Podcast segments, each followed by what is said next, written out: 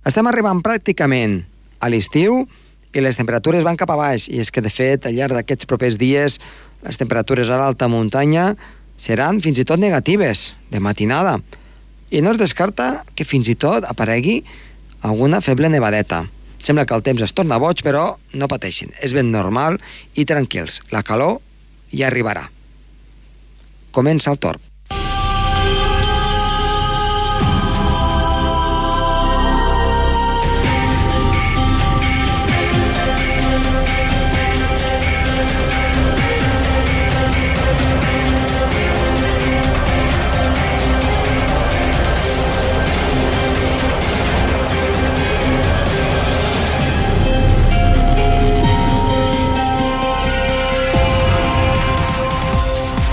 Tarda, moltes gràcies per estar una vegada més doncs, darrere del seu transistor, en el seu vehicle o des de qualsevol lloc del món per internet.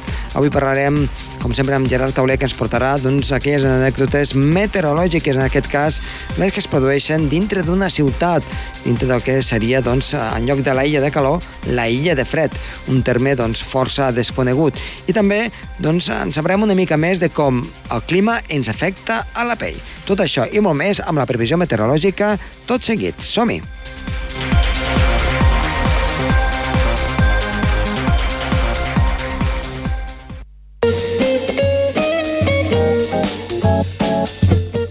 Iniciem el programa parlant, com sempre, amb Gerard Tauler. Gerard, molt bona tarda.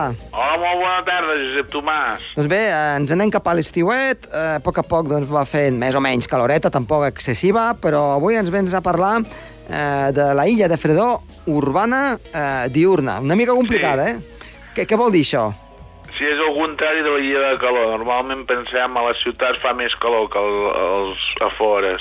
I això succeeix durant la nit, quan el- els materials urbans més calents uh -huh. alliberen calor al cel i provoquen una temperatura més elevada. Sí. Però durant el dia les ombres dels edificis, la, la diferent inèrcia tèrmica de, dels materials urbans i l'entorn provoquen que la ciutat sigui, sobretot al matí i, i a vegades també al migdia, més freda que, que els afores. Per exemple, a Madrid la temperatura mitjana de l'Observatori de Barajas és 1,2 graus més alta que l'Observatori del Retiro. La temperatura mitjana a les màximes al període 1971-2000. O sigui, a, a veure, el, el, la illa de, aquesta illa de Fredó vols dir que fa més fred a A dins de la ciutat que als afores, sí. Per això- durant el, el matí o el migdia. Al matí i al migdia, però això no vol dir que les mínimes siguin més baixes. No, no, les mínimes són més altes, continua havent-hi una illa de calor. Però-. I, eh, aquests fenòmens succeeixen simultàniament al mateix dia. Mm -hmm. Però vol, vols dir que... I això en dies assolellats, és clar, en dies núvols això Clar. no succeeix. Però això vols dir, doncs, que, diguem-ne, a- a- la frescor del matí... I sobretot succeeix per les ombres dels edificis. Mm. Podríem dir que la frescor del matí aguanta una mica més a centre ciutat? Sí, sí, sí, sí, aguanta, aguanta. Perquè sí, sí, és veritat que moltes vegades, eh, doncs, quan passeges per, per diferents ciutats o, o zones, per exemple, a la Seu d'Urgell, a la zona antiga, eh, al matí eh, fa fred a les afores, però quan vas pels carrerons, eh, déu nhi el, el, gel, el gel que hi fa. No sé si això serà degut a, a sí, aquesta sí, illa de fredor. Per l'ombra dels edificis eh, i, i la inèrcia dels materials. Mm.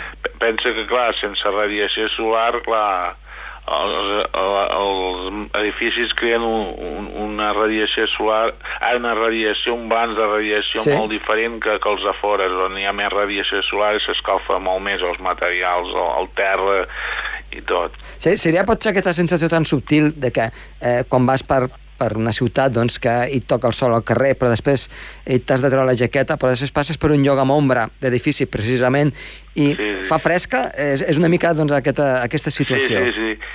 I, i en ciutats de, de clima sec i àrid això succeeix tot l'any. Mm Mhm. -hmm. Perquè allà com el, el terreny als afores de la ciutat és molt sec i al centre eh, hi, ha, hi ha forces llocs amb aigua, amb vegetació i aigua està irrigat, Mhm. doncs aquesta evaporació de la- de l'aigua treu, treu calor de, de l'evaporació, l'aire és molt sec i, i la temperatura és força inferior al, al centre que als afores. Això, se, per exemple, se nota en ciutats com Fènix. Uh -huh. I, eh, per exemple, si, quan entrem en, en un edifici de pedra, eh, per exemple, una catedral, no?, d'aquestes que... Sí, molt grans. aquí a Girona els edificis de pedra, sobretot amb pedra molt gruixuda Sí. i antics, eh, són força més freds que, que els edificis mo moderns, que, que s'escalfa molt més ràpid. Que això s'observa, per exemple, a principis d'estiu, quan, quan entres, per exemple, a la catedral o, Sí. o que sé, edificis d'aquí a Girona, que, que notes una certa fresqueta, mentre que en, en edificis més recents Mhm. Doncs el, el tipus de material fa que la, la temperatura sigui més alta. S'escalfa molt més ràpid els materials dels edificis moderns que els edificis antics. Uh -huh. I, I la diferència de temperatura pot arribar a ser molt elevada o no? Sí, ostres, 4 o 5 graus perfectament. Eh? Mm, Déu-n'hi-do, déu nhi déu Don Gerard, eh, moltíssimes gràcies. Mm, Vinga, eh, una, una que anècdota- vagi molt bé. I tant, gràcies per l'anècdota. Gràcies, propera. vinga. Adéu-siau. Adéu, Josep Tomàs. El torn amb Josep Tomàs.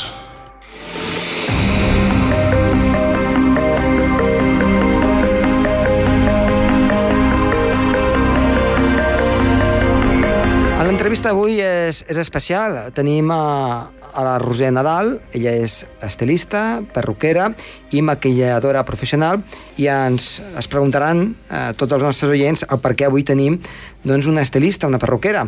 I és que, de fet, avui volem tractar com el clima afecta al nostre cos, com ens afecta al cabell, a la pell i en general eh, a tot el que ens envolta. Per tant, eh, crec que és prou important per parlar-ne avui.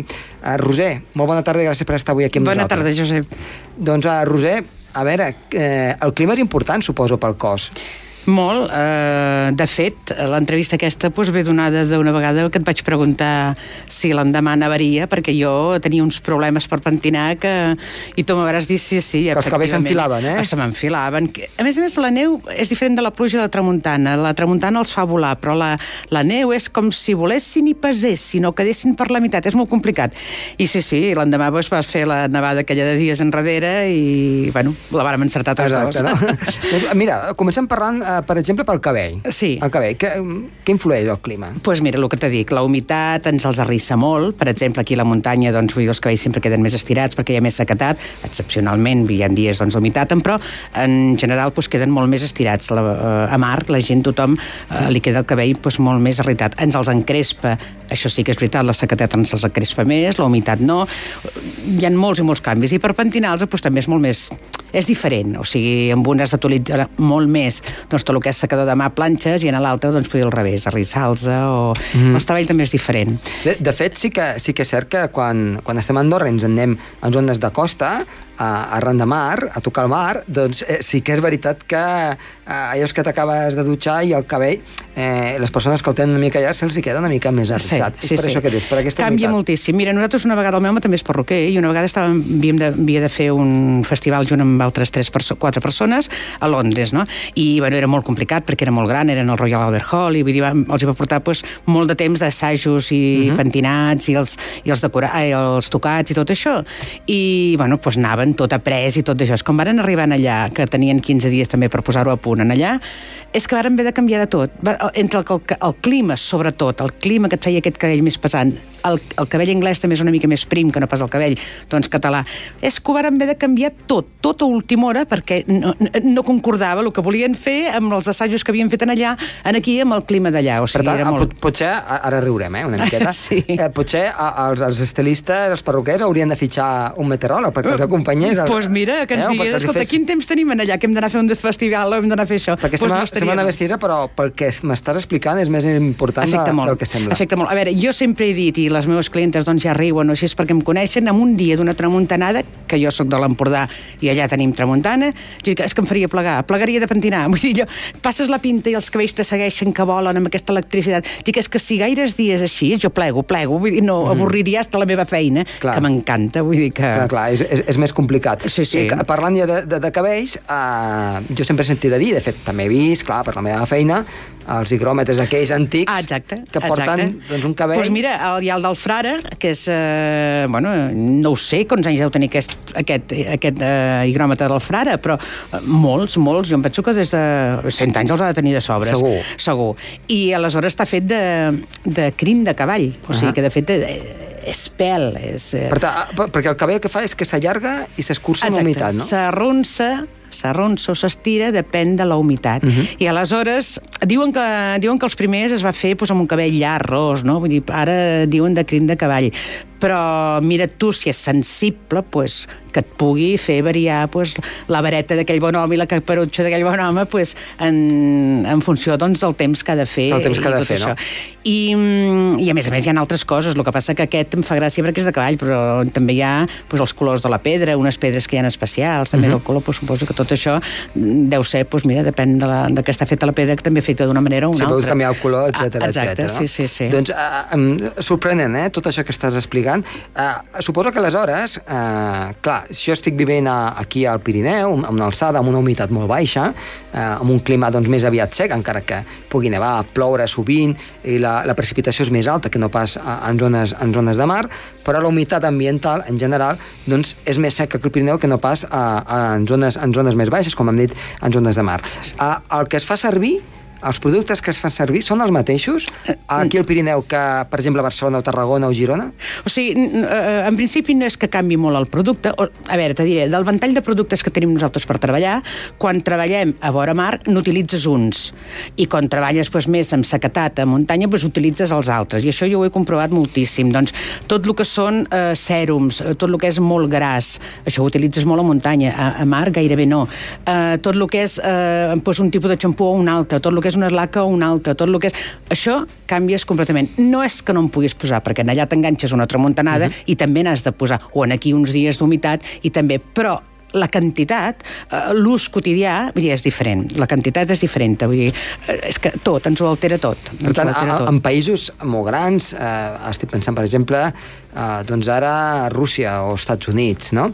que evidentment tenen, tenen costes, però cap Mhm. a l'interior és, és un clima molt més continental, eh, en el cas dels Estats Units, doncs cap a, cap a l'interior, tu tam que també hi has estat, doncs eh, aquesta situació varia totalment, no? Mhm. Varia, varia, I clar, aquí varia. no parlem d'uns quants milers de persones, parlem de milions de, persones. Exacte, sí, sí, per sí. tant, que la situació eh, d'un costat a l'altre eh, de costa eh, pot variar moltíssim. Molt, molt, molt, molt. I a veure, jo, per exemple, dic això, Catalunya és petita i té tot té mar i muntanya, o sigui que amb unes distàncies molt curtes Sí. també canvia moltíssim.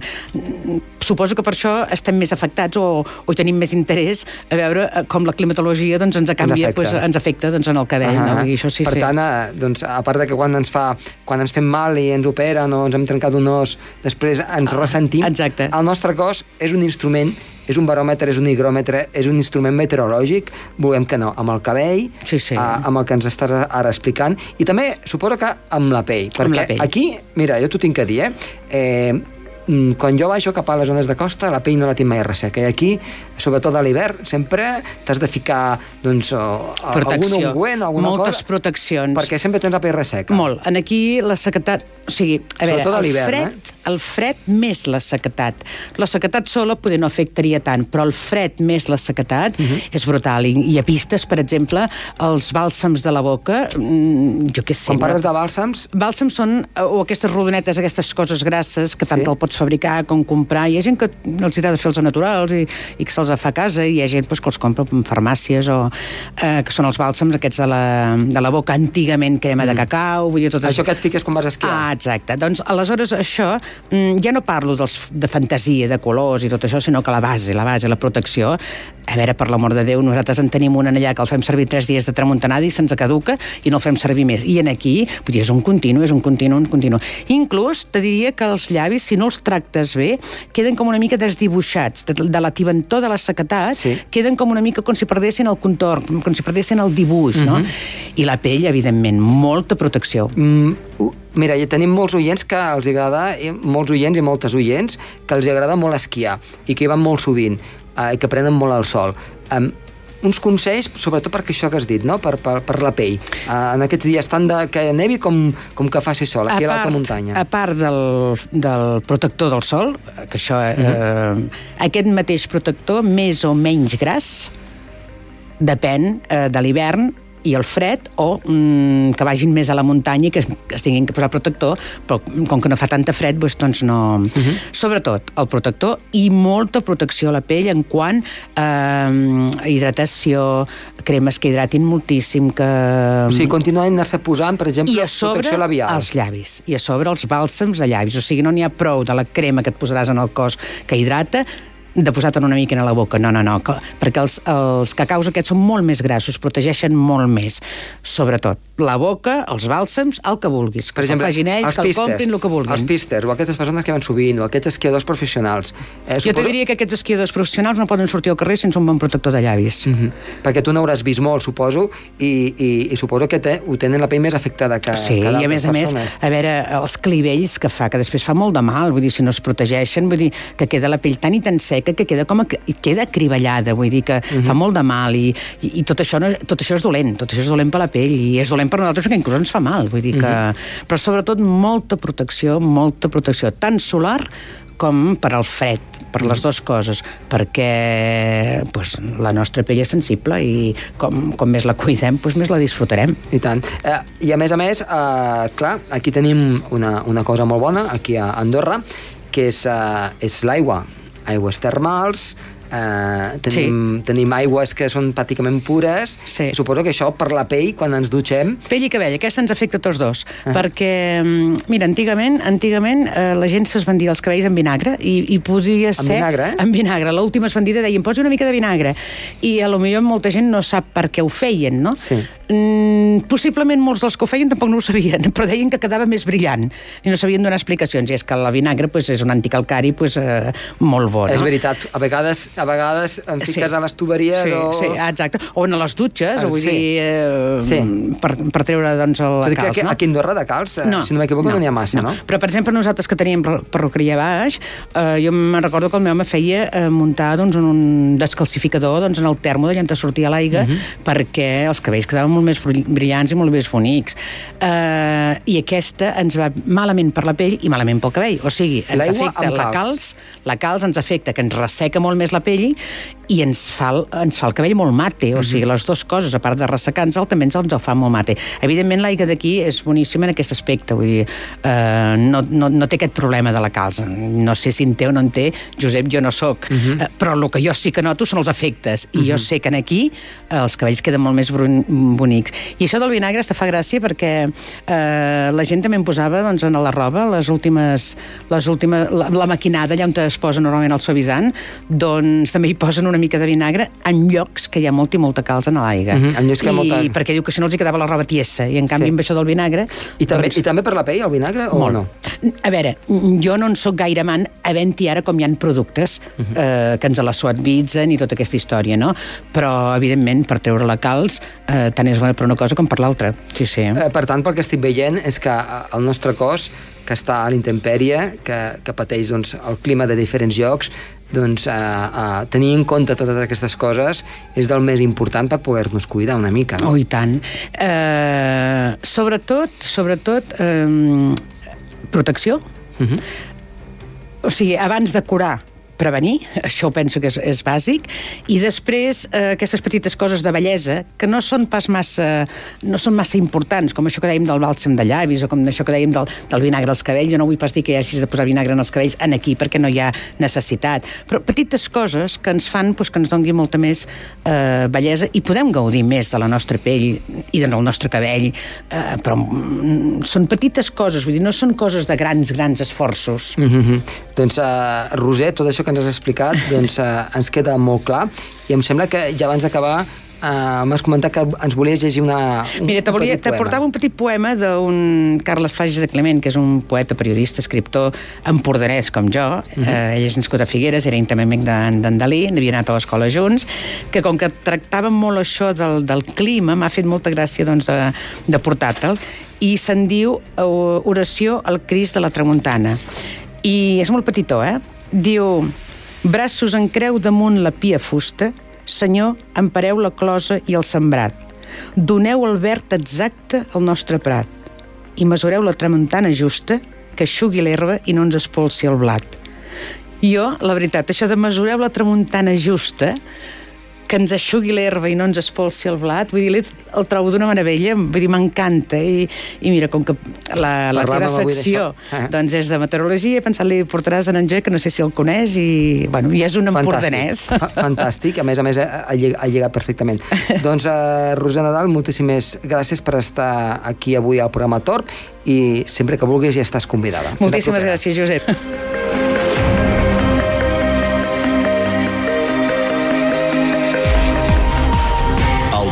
amb Josep Tomàs.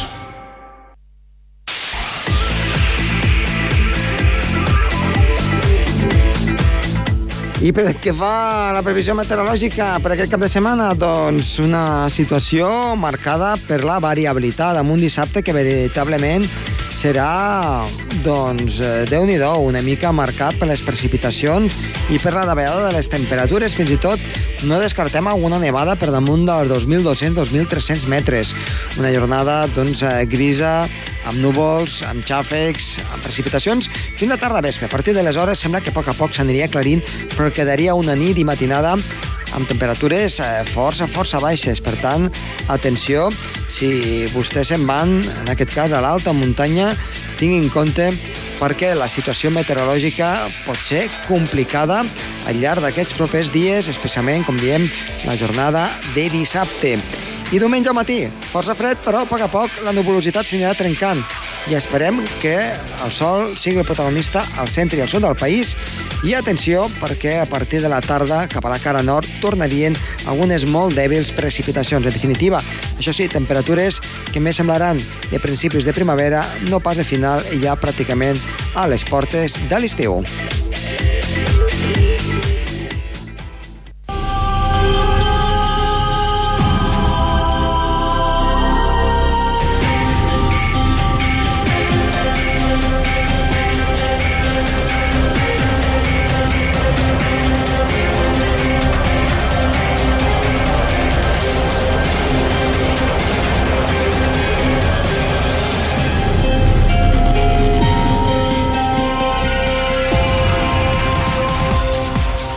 Fins aquí el programa d'avui. Està de les vies de so, Andreu Tastoi, que us ha parlat de molt de gust, Josep Tomàs. Tornem la setmana vinent. Adéu-siau.